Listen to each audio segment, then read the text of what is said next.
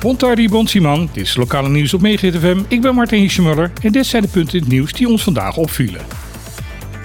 Storm Fiona heeft niet veel schade veroorzaakt op de bovenwindse eilanden binnen het Koninkrijk. De storm passeerde vrijdag de eilanden op een grotere afstand dan van tevoren was verwacht. Het leverde wel flink veel water op en de nodige wind. Maar van geen van de drie eilanden zijn er meldingen geweest van grote schade. Dat gebeurde wel toen Fiona daarna Puerto Rico passeerde. De storm was ondertussen uitgegroeid tot een orkaan en ging gisteren recht over het Amerikaanse eiland. Dat veroorzaakte onder andere hevige overstromingen. Verder is op het hele eiland de stroom uitgevallen.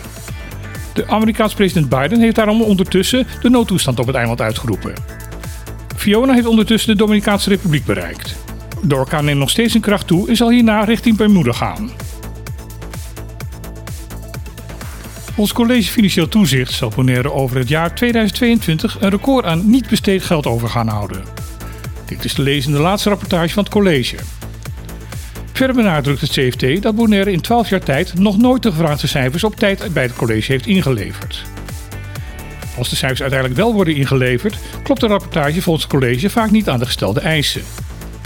Ook deze keer moest het CFT twee keer het ingeleverde rapport terugsturen naar het bestuurscollege.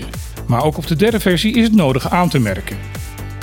Alleen al over de eerste drie maanden van dit jaar heeft de overheid van Bonaire 11 miljoen minder uitgegeven dan was begroot. Dit houdt in dat een groot gedeelte van de geplande projecten van de overheid niet blijkt te zijn uitgevoerd.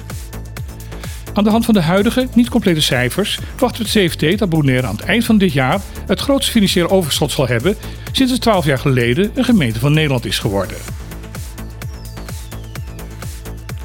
Het Centraal Bureau voor Statistiek heeft berekend dat de verschillen bij inkomsten op Bonaire behoorlijk groot zijn.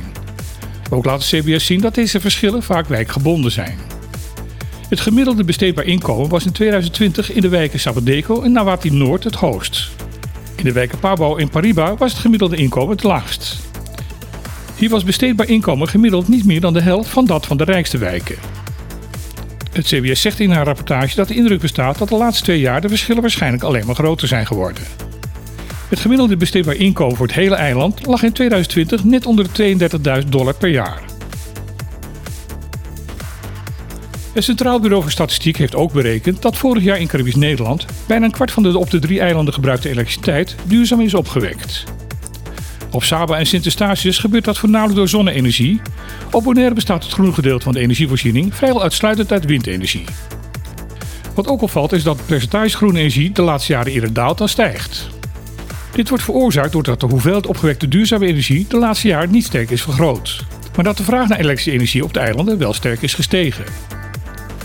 Op Statia kan overdag het zonnepark normaal gesproken het hele eiland van energie voorzien.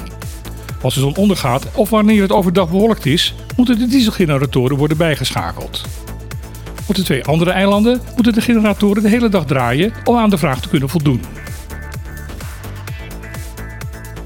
Volgens de krant Extra overweegt de bekende Bonaireaanse hondentrainer Norbert Tadema om met een eigen nieuwe politieke partij mee te gaan doen aan de eilandstaatsverkiezingen in maart volgend jaar.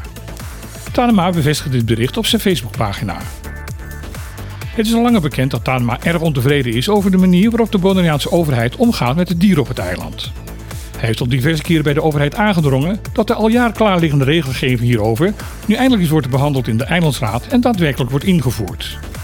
Maar de onvrede bij Tadema gaat verder dan alleen maar de zorgen om de viervoetige medebewoners van het eiland. In zijn commentaar op Facebook zegt hij dat zijn nieuwe partij moet gaan doen wat de burger verwacht dat de partij doet.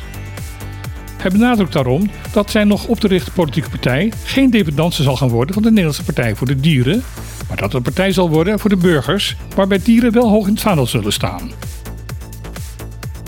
Dit was weer het eerste bulletin van het lokale nieuws van deze week.